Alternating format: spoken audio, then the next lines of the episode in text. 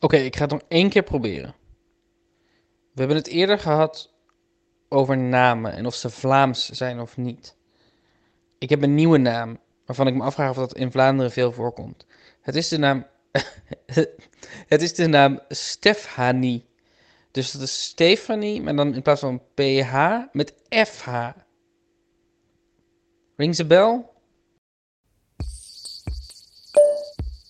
Dag Daan. Deze naam heb ik letterlijk nog nooit gehoord. En figuurlijk trouwens ook niet. Groetjes.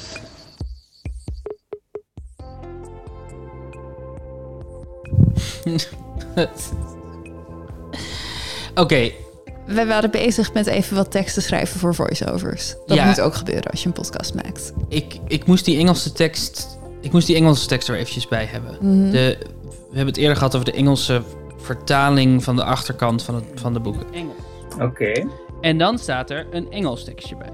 In the past, you could color and draw for hours. You went entirely on creativity and or fantasy. What could be nicer than coloring an adult coloring page during your break or on vacation? It is addictive. Some real coloring books for adults that will keep you entertained and keep you entertained and entertained for hours. Mooi. Ik googelde dat, die zin, en eh, toen kwam die meteen op.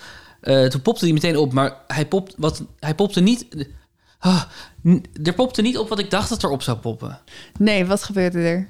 Ik kreeg een... Nou, ik kan, ik kan vertellen wat er gebeurde. Oh, Jij begon te zuchten. Ja. En toen zei ik, wat is er? En toen zei jij niks. En toen ging ik het ook heel snel in Google intypen. Ja. Dus ik heb The Big Challenge Adult Coloring Book Blue Macaw.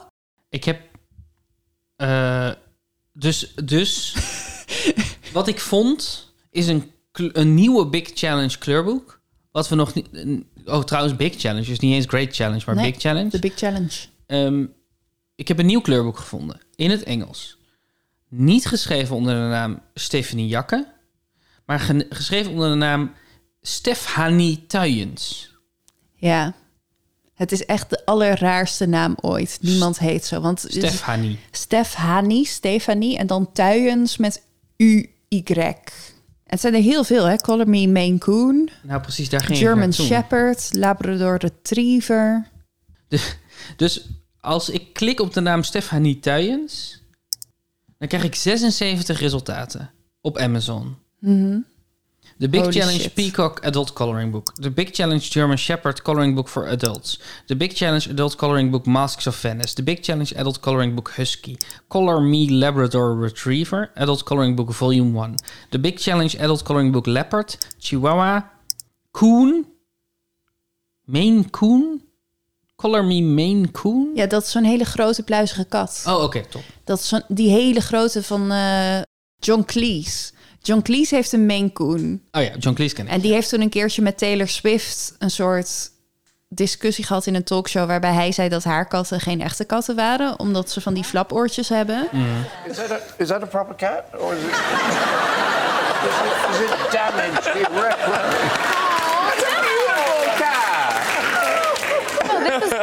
It's the weirdest cat I've ever seen in my life. Terwijl zijn kat is gewoon echt een soort monster. Die is groter dan de meeste honden. John Cleese, you could not say that is the weirdest cat you've ever seen in your life. Wait, wait, here's, a, here's a picture of John Cleese's cat. Look at that! Look at that thing! Oké, nee, die kan je, in, die kan je inkleuren bij... ehm, in Color Me Maine Coon. Color My Mandala. Color the World's Morocco. Color and Learn Animals Children's Coloring and Learning Book. The Big Challenge Adult Coloring Book Small Reptiles. The Big Challenge Adult Coloring Book Chihuahua. Feel Good with Chinese Food, A Healthier Way of Takeaway. Huh? Feel Good with Chinese Food, A Healthier Way... Ja, het, Takeaway. het was niet dat ik je niet verstond. Feel good with Chinese food, a healthier way than takeaway. Het is een uh, feel good with Chinese food. In this book, I give you the typical Chinese takeout food, a makeover that saves you a lot of calories. We hebben 76 resultaten bij Stefanie Tuyens. Dat begint met kleurplaten. En dan krijgen we de eerste die gewoon een hele nieuwe categorie is, waarvan we niet eens wisten dat Emmy ermee bezig was. Feel good with Chinese food, a healthier way of takeaway. Echt bizar. Chinese recepten. Maar is het... Nee, want het, het is takeaway. Het klinkt eerder als een gids voor welke gerechten je wel en niet bij de Chinees kan bestellen als je op dieet bent. Stephanie schrijft: I give the typical Chinese takeout food a makeover that saves a lot of, car- eh, a lot of calories. Ah, Dus dat impliceert dat het takeaway eten is, maar dan thuis klaargemaakt. Dat haalt echt alle plezier uit. Dat is toch wat je wil als je takeaway hebt, als je niet hoeft te koken. Ja, alleen je kan natuurlijk best fan zijn van Babi Pangang. En, het- en dan denken, maar ja, ik kan niet iedere week Babi Pangang bestellen, dat is niet goed voor me. Nou, en dan heb ik nog, een nog eentje in die categorie, namelijk The Great Gastric Bypass Diet Soup. The Great Gastric Bypass. Diet Daar had ze het gewoon bij moeten laten. Dat is fantastisch. Bij Stephanie Tuyens en Bram Jaklev. Wat betekent dat we dus een nieuwe speler hebben in dit alles. Naast Stephanie Tuyens, Stefanie Tuyens, namelijk Bram Jaklev. Ja. En dan is er een derde categorie in de Stephanie Tuyens collectie. Understanding Your Dog. Understanding Your Dog Airedale Terrier. Understanding Your Dog Chihuahua. Understanding Your Dog American Eskimo Dog. Understanding Your Dog American Foxhound. Understanding Your Dog Alaskan Malamute. Oké, er is, er is een, een enorme hoeveelheid dieetboeken. Maar uit welk jaar komen al deze boeken? Is Nou, dit dat is- allemaal nieuw? Of is het juist heel oud? Dat is dus het ding. Dit komt allemaal uit 2016, 2017 en 2018. Dus dit is het eerste. Het is gewoon al pre- pre-corona. het is- ja. Dit zijn de eerste boeken van Emmy die we tot nu toe hebben, hebben gevonden. het is echt al veel langer bezig dan ik dacht. Dit is echt alsof je op twee derde van je moordonderzoek opeens een nieuwe moord ontdekt. Je lijkt er ook niet meer blij over. Het, het is gewoon zoveel. Het is heel... Ja. Nee, want het is ook niet alsof je één nieuw boek van haar vindt. Je vindt er 76. Ja, wij lazen dat Emmy meer dan 150 boeken op de naam had staan. En we dachten bullshit. En nu denk ik, Ja? we hebben er in ieder geval al 130 gevonden volgens mij. Oh mijn god. Fucking hell. Jullie zijn de detectives. Ik vermoed dat dit niet helemaal eh, zuivere koffie is. Dit is echt goud. Deze mensen gaan door tot het bittere eind. Wie is Emmy? Wie is Emmy? Wie is Emmy? Een zoektocht naar de geheimzinnige maker van het vreemdste kleurboek aller tijden. Aflevering 10. Je geeft gewoon alles uit. Ik was me iets aan het afvragen. Intussen. Oké. Want jij vroeg mij hier maanden geleden bij, omdat, eh, omdat ik een serieuze onderzoeksjournalist zou zijn. Mhm. En ook zodat ik mensen kon bellen. Ja, Omdat jij belangst hebt. klopt. Maar hoe werkt dat dan voor jou? Nou, ja, ik, ik wist dus in eerste instantie niet precies waar het vandaan kwam. Maar ik sprak toevallig, nog niet zo lang geleden, een neuropsycholoog. Maar we moeten ook... eh Nicky is nu een, eh, is, is bezig om een kleurboekuitgever hierover te spreken. Over hoe maak je een normaal kleurboek in tegenstelling tot dit kleurboek. En ik vind dat, dat idee dus doodeng. Dat ik ha- da- die stap zou moeten gaan zetten. Waarom is dat? Ja, Waarom, he- waarom heb ik daar last van? dit is volgens mij een heel groot deel angst voor sociale afwijzing. Oh, En dat is waar heel veel van onze angsten wel vandaan komen. Vroeger mochten we niet buiten de groep vallen. Mhm. Dus alles wat ons sociaal ongemakkelijk maakt, en sommige mensen hebben dat wat sterker dan, eh, dan anderen, Mhm. eh, roept angst op. Want je wil, niet, je wil niet afgewezen worden, je wil niet buiten de groep vallen. Ik heb het idee dat het iets van onze generatie is. Belangst. Ja, Is dat zo? ik vind het nog steeds. eh, als ik een restaurant moet bellen, laat ik andere mensen altijd bellen. In de tussentijd zal de luisteraar best zijn opgevallen dat jij gewoon om de haverklap mensen aan het bellen bent. Ja, dat zoomen, om precies te zijn. Maar ja, nee, dat is zo, dat is zo. Is zoomen minder erg dan bellen? Ehm, als ik eenmaal in de Zoom ben, dan vind ik het niet meer zo'n probleem. Want dan is het eh, basically hetzelfde als een gesprek voeren. Het heeft te maken met het benaderen van mensen voor een project. Vanuit het niks. Dat is eigenlijk, dat is de angst. Het vanuit het niks benaderen van mensen. Hm. En, en de, dat ze dan misschien wel kunnen zeggen, wie, ben wie denk jij wel niet dat je bent? Waar, wie, waar, waar, eh, eh, wat voor een nonsens project is dit? Of, ik heb wel eens van jou gehoord en jij bent een sukkel. Maar daarom helpt dit denk ik ook, toch? Net zoals dat je een heel kleurboek gaat inkleuren met kattenplaatjes als je kattenfobie hebt. Het is ook gewoon een soort exposure therapie. Ja, Heb je het idee dat het nu beter gaat? ik vind, het, ik vind het bijna lelijk om toe te moeten geven. Maar ja, het gaat wel echt beter. Het is echt wel... En, en dat is niet alleen maar deze podcast. Want ik, ik heb er ook wat the- therapie naast. Mm. Ja, ik heb voor deze podcast wel echt een hele hoop mensen benaderd en mailtjes gestuurd en follow-ups en hey, zou je hier nog eens naar willen kijken of eh, dat soort dingen. En dat, dat vond ik wel veel enger toen ik hieraan begon, ja. Dat is het hele ding met exposure. Je, hebt, je moest het doen, je hebt het gedaan. En dan kom je erachter dat eigenlijk niemand antwoordt... nee, wat ben je nou voor sukkel? Ik wil helemaal niet met je praten. Hoe durf je mij te mailen? Ja, dat, dat klopt. Hoewel we natuurlijk wel wat af- afwijzingen hebben gehad voor deze podcast. Er zijn wel wat mensen geweest die niet met ons wilden praten. Niet zoveel. Vooral Emmy. En Oh ja, was ik alweer helemaal vergeten. Sommige gesprekken blijven gewoon eng. Hoeveel ervaring je er ook mee hebt. En een van die een beetje enge gesprekken, dat is die met de bedenker van het platform, waar je zelf nogal kritisch tegenover staat. Mag ik ook nog een glas water? ja, zeker. Ik heb eigenlijk best dorst. Misschien van alle marsepein. Spannend. Dankjewel. Hij loopt, hè? Hij loopt. Recording in progress. Daan, ik heb eh Paulien geïnterviewd. Paulien Loerts. En wat is zij? Is zij de baas van Brave New Books? Nee, zij is de bedenker van Brave New Books. Oké. Ehm, en ze is nu baas van eh single-uitgeverijen. En die hebben onlangs ook Atheneum gekocht, boekhandel. Mhm. Dus ze is een soort uberbaas van van alles.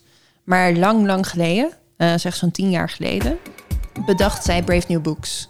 En eh, is ze dat gaan opzetten. Ik wilde eigenlijk weten hoe ze daarop is gekomen. Ik kijk natuurlijk altijd wat uitgevers internationaal aan het doen zijn en wat trends en ontwikkelingen zijn.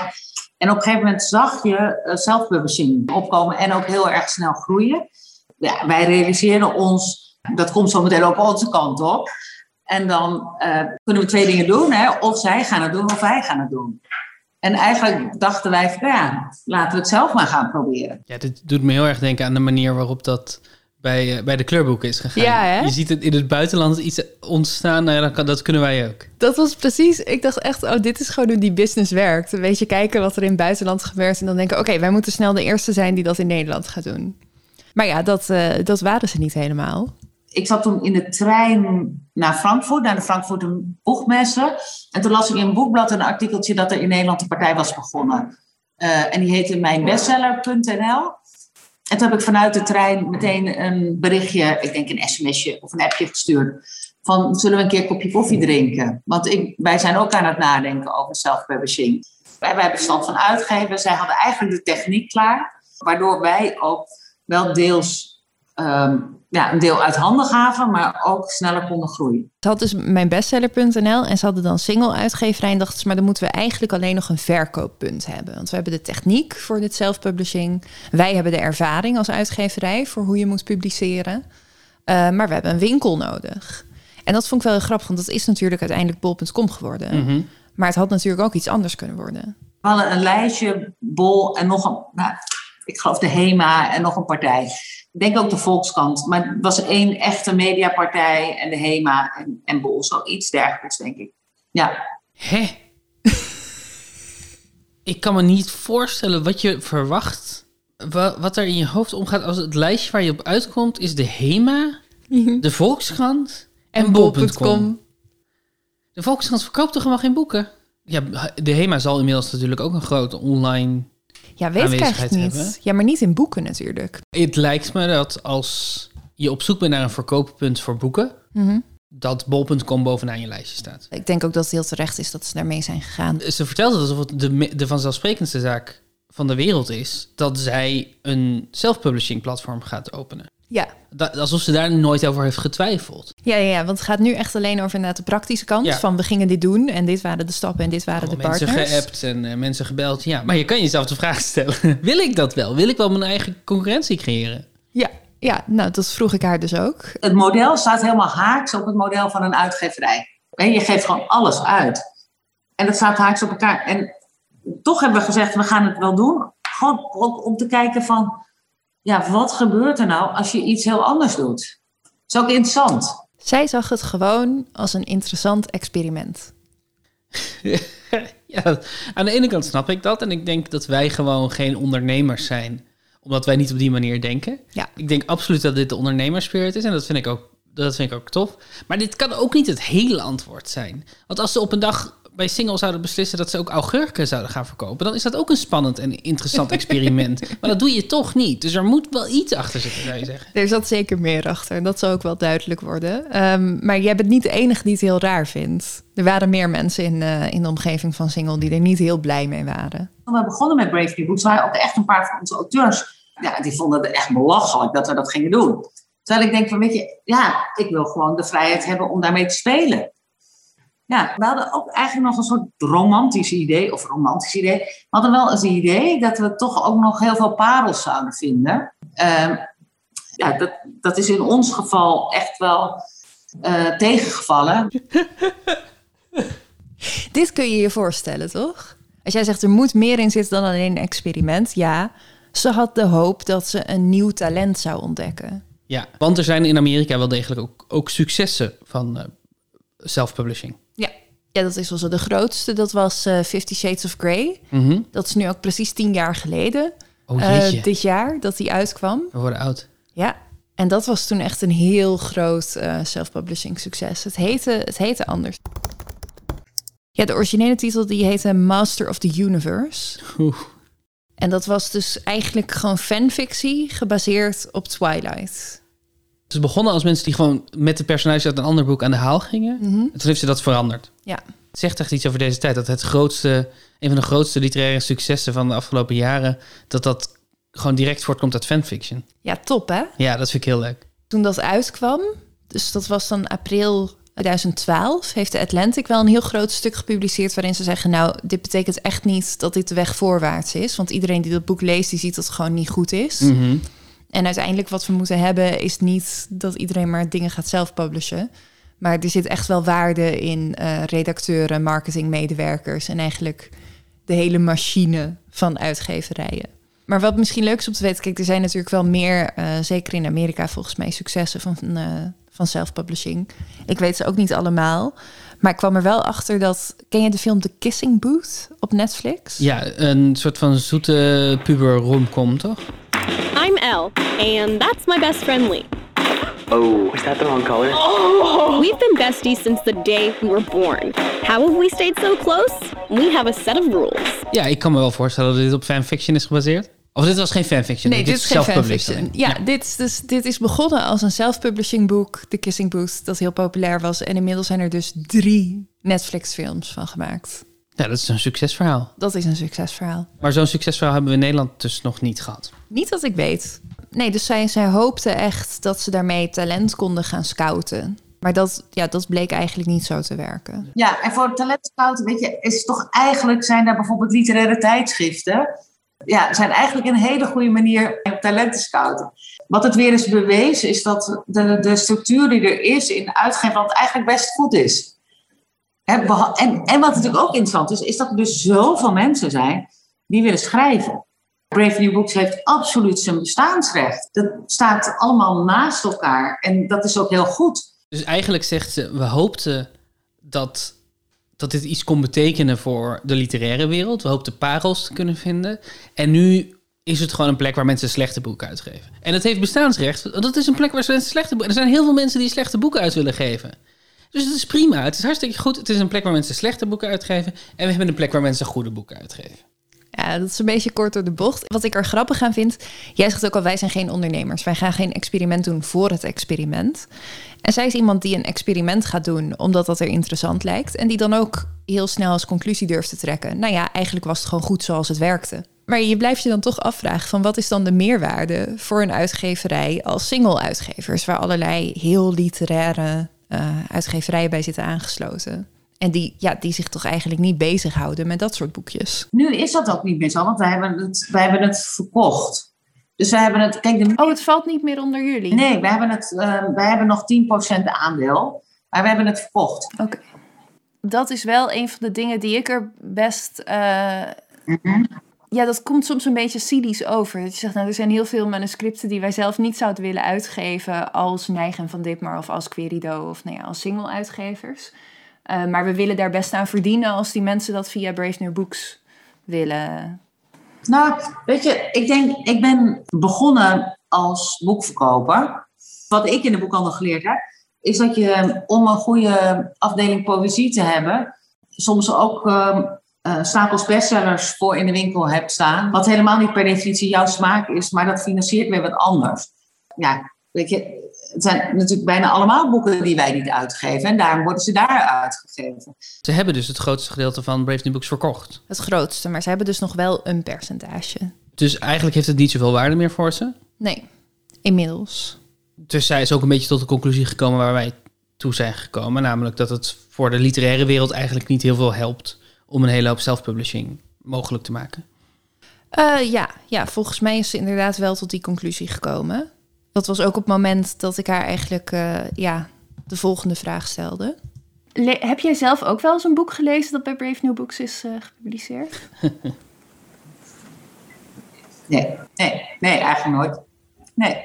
Ik bedoel, het is wel heel eerlijk. Het is heel eerlijk. En het is ook een gotcha-vraag van jou. Nou ja, ik was wel benieuwd. Ja. Ze was het gewoon zo hard aan het verdedigen. Ja. En ja, wij mogen ook eerlijk zijn en zeggen dat we nog nooit een boek van Brave New Books hebben gelezen. Klopt. Tenzij je het kleurboek lezen noemt. Kijk, de meeste mensen die hun boek uitgeven bij, bij Brave New Book zijn gewoon mensen die hun familiegeschiedenis opschrijven en dat delen met hun vrienden. Of mensen die al twintig jaar leuren met een manuscript dat niet uitgegeven krijgen en het nu toch hebben kunnen uitgeven. En dat is wel, in mijn idee, 99,9% van de mensen die publiceert bij Brave New Books. En dan is het logisch, toch, dat je zegt, ja, ik ga dat niet lezen, want dat is de biografie van ome Willem eh, van, van Jorik. Ja, dat hoef ik niet te lezen, maar het is fijn voor de familie van Jorik dat hij het verhaal van ome Willem eens heeft genoteerd. Ja. ja, daar valt zeker iets voor te zeggen. Dat is, dat is waar.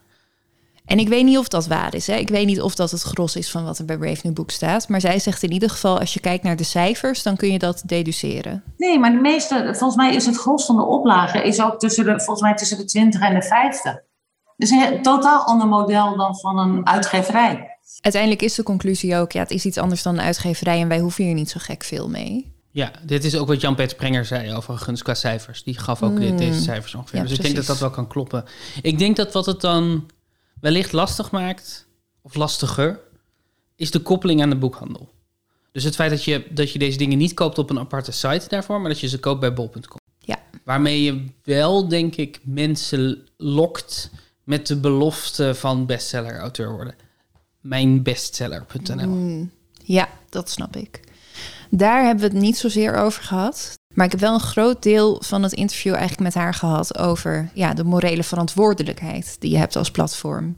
Om bepaalde boeken in de gaten te houden en te kijken van eh, wat er aan de hand is. Want ik zei tegen haar, jij, jij hebt het niet gelezen, die eh, boeken van Brave New Books. Ik heb het ook niet gelezen, maar we hebben wel flink door de site zitten scrollen.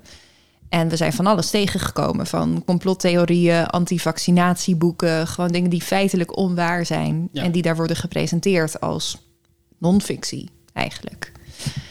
Dus ik vroeg haar van ja, hoe, hoe kijk je daar nou op terug? En, en had je je ooit kunnen voorstellen dat het dit zou worden? Toen je tien jaar geleden dacht, een leuk experiment. Weet je wel, dat het hierop uit zou lopen. Nou, kijk, wat we volgens mij wel ook in de uitgangspunten hadden staan, was dat het alles gepubliceerd kon worden als het maar niet heel eh, nee, seksistisch of racistisch, op wat voor manier dan ook is.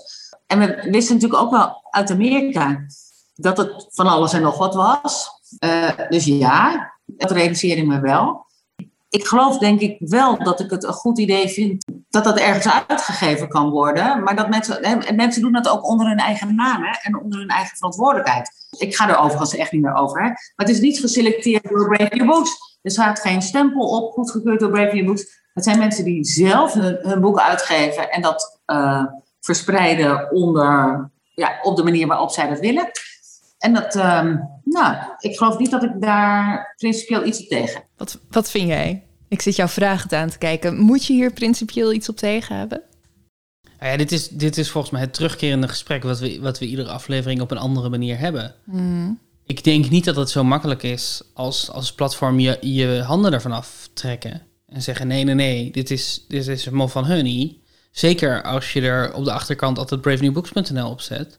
Zeker als op bol.com er staat uitgever dubbele Brave New Books. Dan denk ik niet dat het, denk ik in ieder geval niet dat het zo simpel is. Mm, volgens mij hebben wij ontdekt dat ze het juridisch allemaal goed afgedekt hebben. Dat het, eh, je gaat akkoord met de algemene voorwaarden en daarmee geef jij aan dat het boek oké is. Maar dat, maakt, dat is moreel natuurlijk niet het einde van het verhaal. Ik vraag me dus heel erg af of er niet een verantwoordelijkheid bij komt. Er staan nu boeken op bol.com of op Libris, omdat eigenlijk alles wat bij Brave New Books uitkomt, dat komt automatisch op bol.com te staan. Dus tussen de serieuze, uitgegeven, geredigeerde boeken. Eh, die zeggen dat corona niet bestaat, bijvoorbeeld.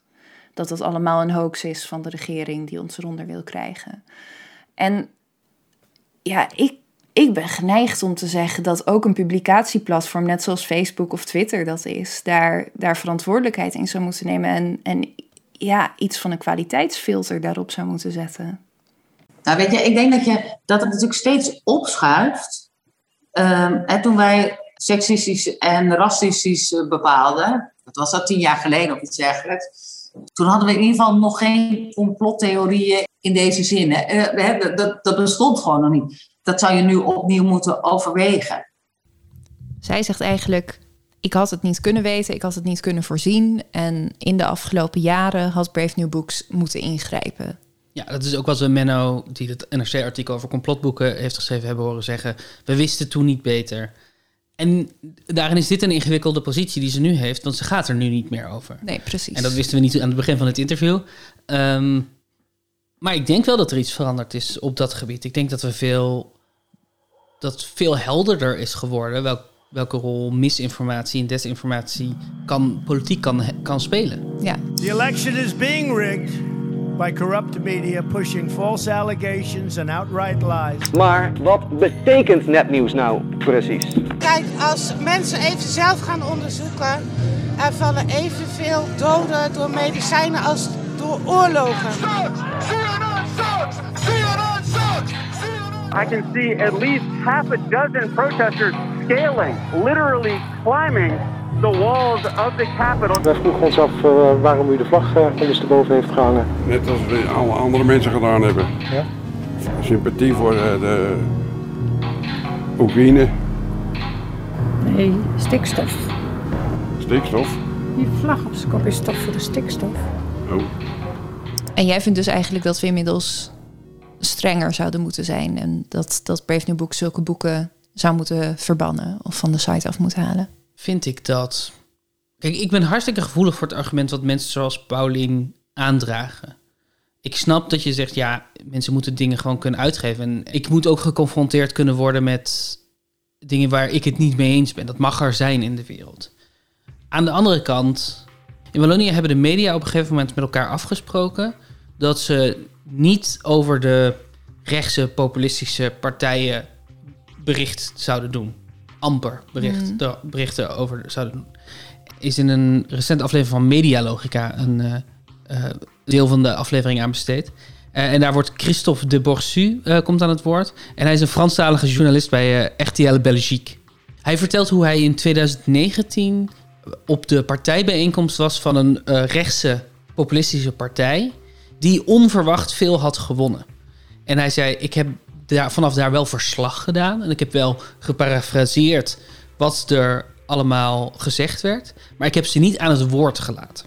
Hmm. Omdat er inderdaad zo'n algemene principe geldt dat we nooit extreem rechts live het woord mogen geven. Het kan natuurlijk belachelijk klinken, het is het niet. De geschiedenis is dat in de jaren negentig uh, er een opkomst is van extreem rechts, vooral in Vlaanderen, maar ook in Wallonië en Brussel. En dat we denken, zowel politici als uh, journalisten, dat we ons moeten beschermen. Het geldt voor alle media, dus dat cordon sanitaire is iets wat absoluut nooit uh, ter sprake is gebracht. Dus alle Franstalige media gaan dat hanteren. Een cordon sanitaire, dat is wat een varkenshouder rond zijn bedrijf doet als er een geval van varkenspest is in zijn bedrijf. Dus ja, die uh, partij die dan uh, wordt beschouwd als zijnde een partij die uitsluiting uh, hanteert, een extreemrechtse partij gaat dus voorzien worden van een omheining en we gaan die nooit live opvoeren. Dat betekent dat we alleen maar die mensen zullen laten spreken onder de vorm van op voorhand opgenomen interviews, maar nooit live. Dit is eigenlijk het tegenovergestelde van wat Paulien zegt. Niet, je moet ze ook een stem geven, maar juist, je moet ze geen stem geven. Je mag best iets over ze vertellen, maar dan altijd daar controle over houden. Ja, en, en het, is, het is totaal on-Nederlands ook nog. Want wij leven natuurlijk in een wereld waarbij... Kijk, we hebben net wat nieuwe omroepen en eh kleinere partijen die zeggen... luister, dit, hier staan we voor en dat maakt ons geen mindere journalisten. Maar ik denk tot vijf jaar geleden of zo... Ja, journalisten moeten objectief zijn. Ja, en eh, absoluut objectief. Dus de redactie heeft helemaal geen standpunt. Precies. Het is fascinerend. Het, de- deze aflevering gaat ook verder met allemaal interviews met Nederlandse journalisten die het oneens zijn met deze strategie. Mm. Wat ik begrijp, eh, het voelt gewoon niet goed. Het voelt raar. Eh, maar als je het nou hebt over een autoriteit kunnen zijn, dan is dit denk ik wel de manier waarop je zoiets handhaaft. Ja. Het doet me ook steeds denken, ja, die analogie van het café. Dus er is een cafébaas en er komt één iemand binnen met eh, een nazi-jas aan of zo. En die cafébaas die kijkt die man alleen maar aan en die zegt, huppakee, mijn, mijn café uit. Ja. En dat dan iemand anders aan de bar zegt van, hé, maar nee, het is toch maar een jas. En dan zeg je, "La, het begint met iemand met een jas. En die neemt een keer een vriend mee. En dan worden ze wat opstandig. En dan zijn er bepaalde mensen die niet meer durven te komen. En over een half jaar run ik gewoon een nazi-bar. Ja. Je hebt in een fascistisch café gezeten, toch? Van, Ja. van de zomer? Ja, ik had het niet door. De vrienden die mij daarmee naartoe hadden genomen zeiden... je kan veel zeggen van die fascisten, maar ze kunnen wel goed koken. We hebben het over boeken die worden uitgegeven met een, met een oplage van 20 tot 50 boeken. Dus ik weet ook niet of we nou een heel groot principieel ding aan het maken zijn van iets wat praktisch bijna geen consequentie heeft. Mm. Maar als we het dan over principes hebben, dan vind ik wel dat je principieel uit moet kijken met wat je mede mogelijk maakt. Ja. Ja, en daar is denk ik wel... eh, dat is wel het verschil tussen waar wij ongeveer zitten... in welke hoek en Paulien. Want die vindt dus eigenlijk principieel... dat we juist beter naar mensen moeten luisteren... die we niet begrijpen. En nog meer aandacht eraan moeten geven. in deze tijd van grote tegenstellingen, waarop we bijna alles zwart-wit wordt en iedereen heel snel positie inneemt, vind ik het eigenlijk het meest interessante. En dan kom ik weer even op Atheneum. Die wij, en wat ik hier heel graag wil gaan doen ook, is debatten organiseren met mensen die juist heel anders denken. Juist met totaal tegenovergestelde ideeën. eh, met elkaar echt laten praten. En dan misschien wel niet echt debatten, maar dat je gewoon echt naar elkaar gaat luisteren en gaat bedenken van, goh, hoe, hoe, wat zijn nou echt de argumenten van die ander? Want dat, dat doen we, ik ook hoor waarschijnlijk, maar dat doen we allemaal te weinig op dit moment. Ik zou erachter willen komen, hoe zijn ze daar nou bij gekomen? Dat haal ik niet uit de stukken in de krant. Ik lees er aardig wat over. Maar hoe zijn ze daar gekomen? Ja, ik ben wel benieuwd. Het zou me niks verbazen als ze erbij komen door de dingen die ze op internet lezen. En eh, misschien zelfs wel in Brave New Books boeken. Ja, dit is het punt in het interview waar ik een beetje sassy word. En eh, af en toe wat commentaar geven. Ja, dit, ik snap daar argument. Ik denk ook dat dit twee gesprekken zijn naast elkaar. Ja? Ik denk dat je je best kan doen om mensen te begrijpen, zonder dat je hen per se de mogelijkheid geeft om ongecheckt te liegen over feiten. Hmm. Roderick Rekker, eh, die heeft het in een aflevering van Radio Swammerdam. Waarom lach je? Nou, ik was toch gewoon Roderick Rekker aan het verwerken. En toen Mhm. kwam Radio Zwammerdam eroverheen. Gewoon, gewoon hoe bevredigend dit taalkundig klinkt. Ja. Om te zeggen, Roderick Rekker bij Radio Swammerdam. Daar moest ik om, om grinniken. Ja, dat snap ik. Roderick Rekker zat bij Radio Swammerdam. Die legt uit dat er wat hem betreft eh, drie vormen van polarisatie zijn. Uh, Elko heeft net al verteld van ideologische polarisatie. Dat is eigenlijk gewoon mensen zijn het met elkaar oneens. Affectieve polarisatie, dat is mensen hebben een hekel aan elkaar. Uh, en ik onderscheid daarnaast ook feitenpolarisatie. En dat betekent eigenlijk, uh, denken mensen gewoon anders over hoe de wereld in elkaar zit. Hebben mensen andere feitelijke percepties uh, over hoe de wereld in elkaar zit. Dus bijvoorbeeld affectieve polarisatie zou bijvoorbeeld zijn dat je als tegenstander van immigratie een hekel hebt aan mensen die voor immigratie zijn. Ideologische polarisatie is denken mensen anders over immigratiebeleid. Maar feitenpolarisatie zou hier zijn, hebben mensen een ander beeld van hoeveel immigranten er feitelijk in Nederland zijn. En ik kan me heel goed voorstellen, die eerste twee niveaus van eh, polarisatie, die zijn heel vervelend, maar die zijn in een debat niet per se een probleem. Nee. Jij zegt dit uitgebreid, ik zeg nee, nee, maar je, je interpreteert het helemaal verkeerd. Het moet juist zo. Maar die derde, dat wordt gewoon een heel ingewikkeld debat. Ja, dan kun je niet met elkaar praten. Dan praat je gewoon echt langs elkaar heen. Als je al met elkaar blijft praten. Ja, dan wordt het heel snel niet is wel eens, niet is wel eens. Over feiten. Als je een talkshow bent en je laat iemand aan het woord die de feiten anders, anders begrijpt of manipuleert of, of anders voorschotelt, dan ben je actief mensen verkeerde informatie aan het geven. Dan ben je niet iemands mening aan het horen of niet aan het horen hoe iemand ergens bij is gekomen. Dan geef je die persoon de mogelijkheid om meer mensen op het verkeerde pad te zetten. Hmm. En ik denk niet dat een eerlijk gesprek het ooit nodig zou hoeven hebben om het niet met elkaar eens te zijn over de feiten. Ik denk dat het lastig is dat we in een tijd leven waarin er geen autoriteit meer is die bepaalt wat de feiten zijn. Ja. Dat Toch? is ja. Ja. Dus je kunt niet bewijzen dat iemand nepfeiten heeft of verkeerde feiten. Ik denk dat het voorbeeld van Wallonië wel een goed voorbeeld is van hoe het nog steeds mogelijk is voor autoriteiten om een autoriteit te blijven.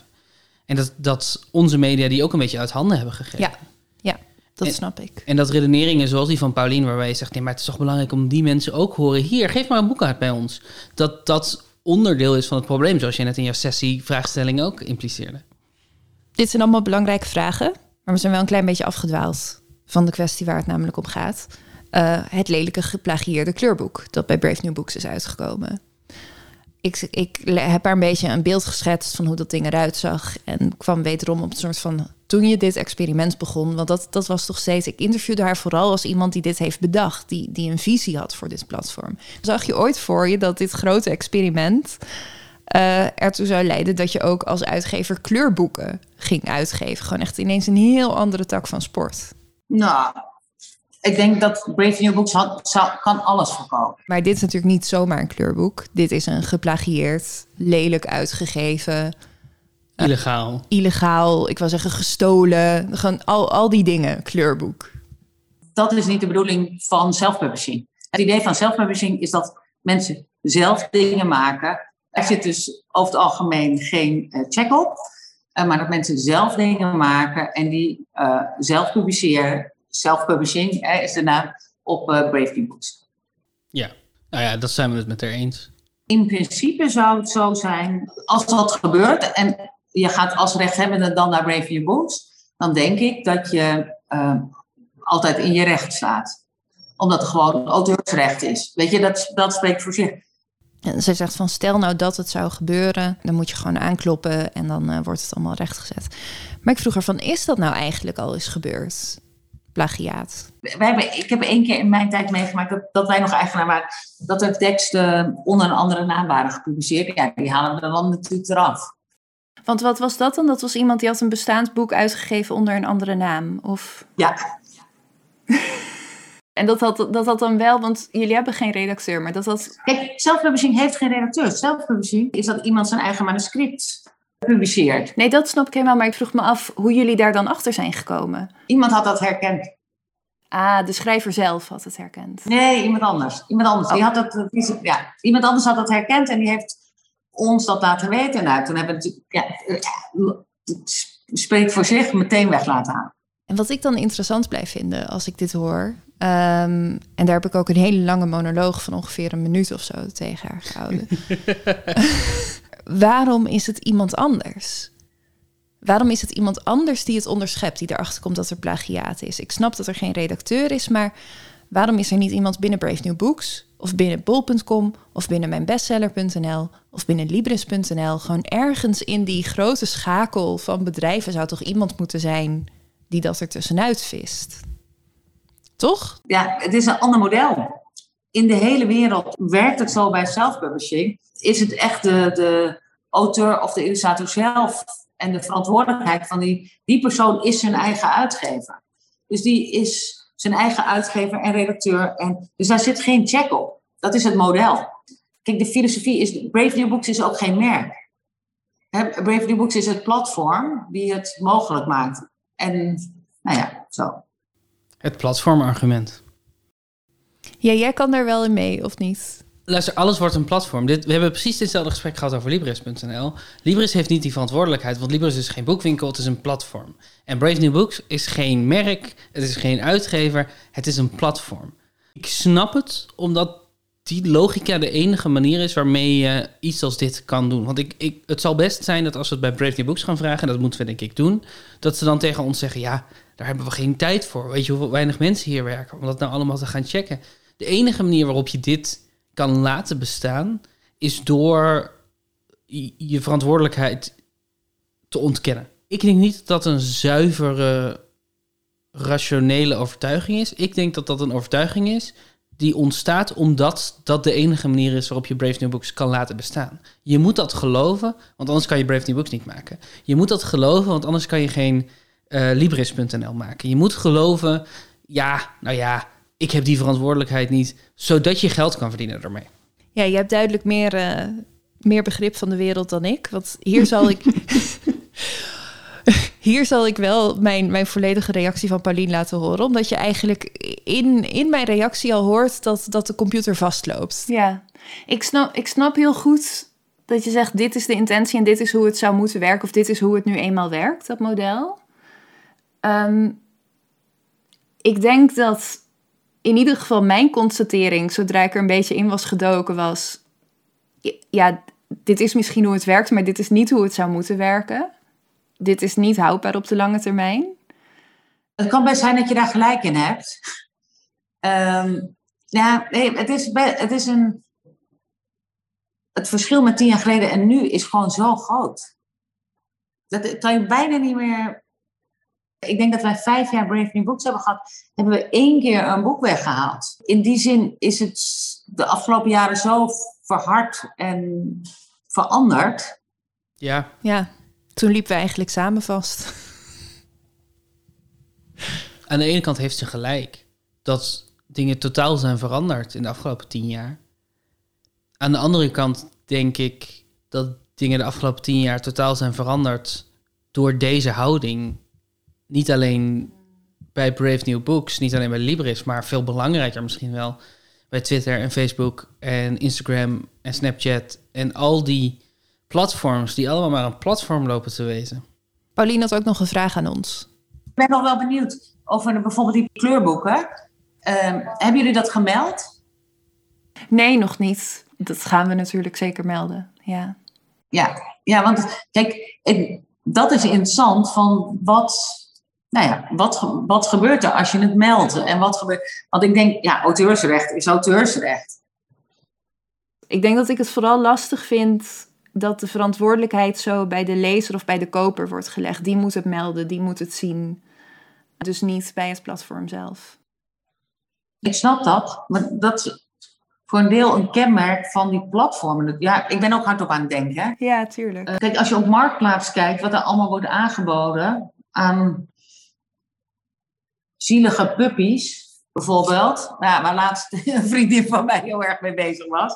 Dan denk je, god, verdorie, dat zou gewoon verboden moeten worden. Ja, dat zou het ook.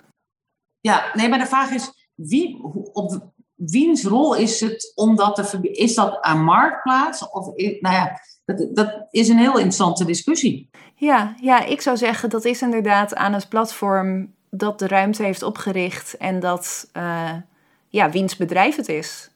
Marktplaats is een bedrijf, het is het bedrijf van Marktplaats. Eh, dus die schept de kaders, die zegt wat er wel en niet mag. En die heeft ook de verantwoordelijkheid om ervoor te zorgen dat daar geen onveilige of ongezonde dingen gebeuren. Ja, maar ik denk bijvoorbeeld, hè, wat ik eigenlijk wil zeggen, dat ontwikkelt zich waarschijnlijk steeds weer. En daar is ook bijna geen beleid op te maken.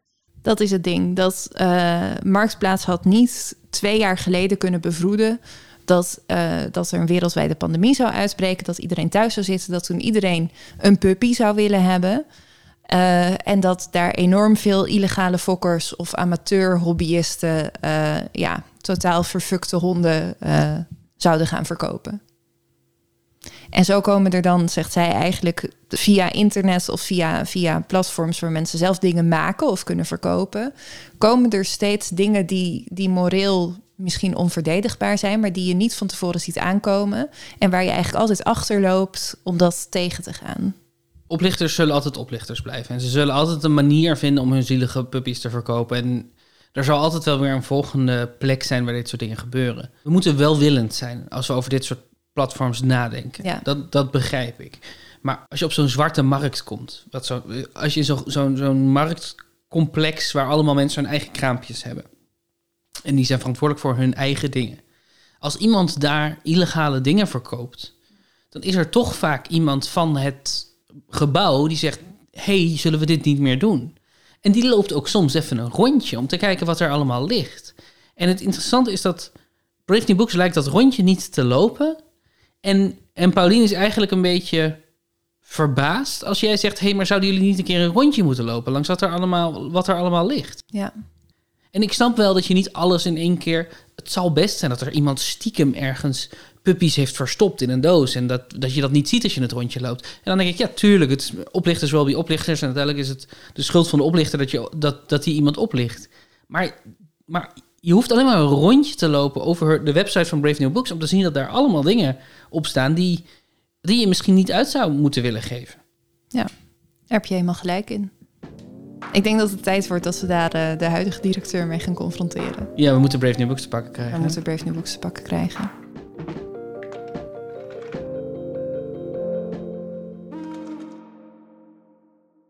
Wat hebben we deze aflevering geleerd?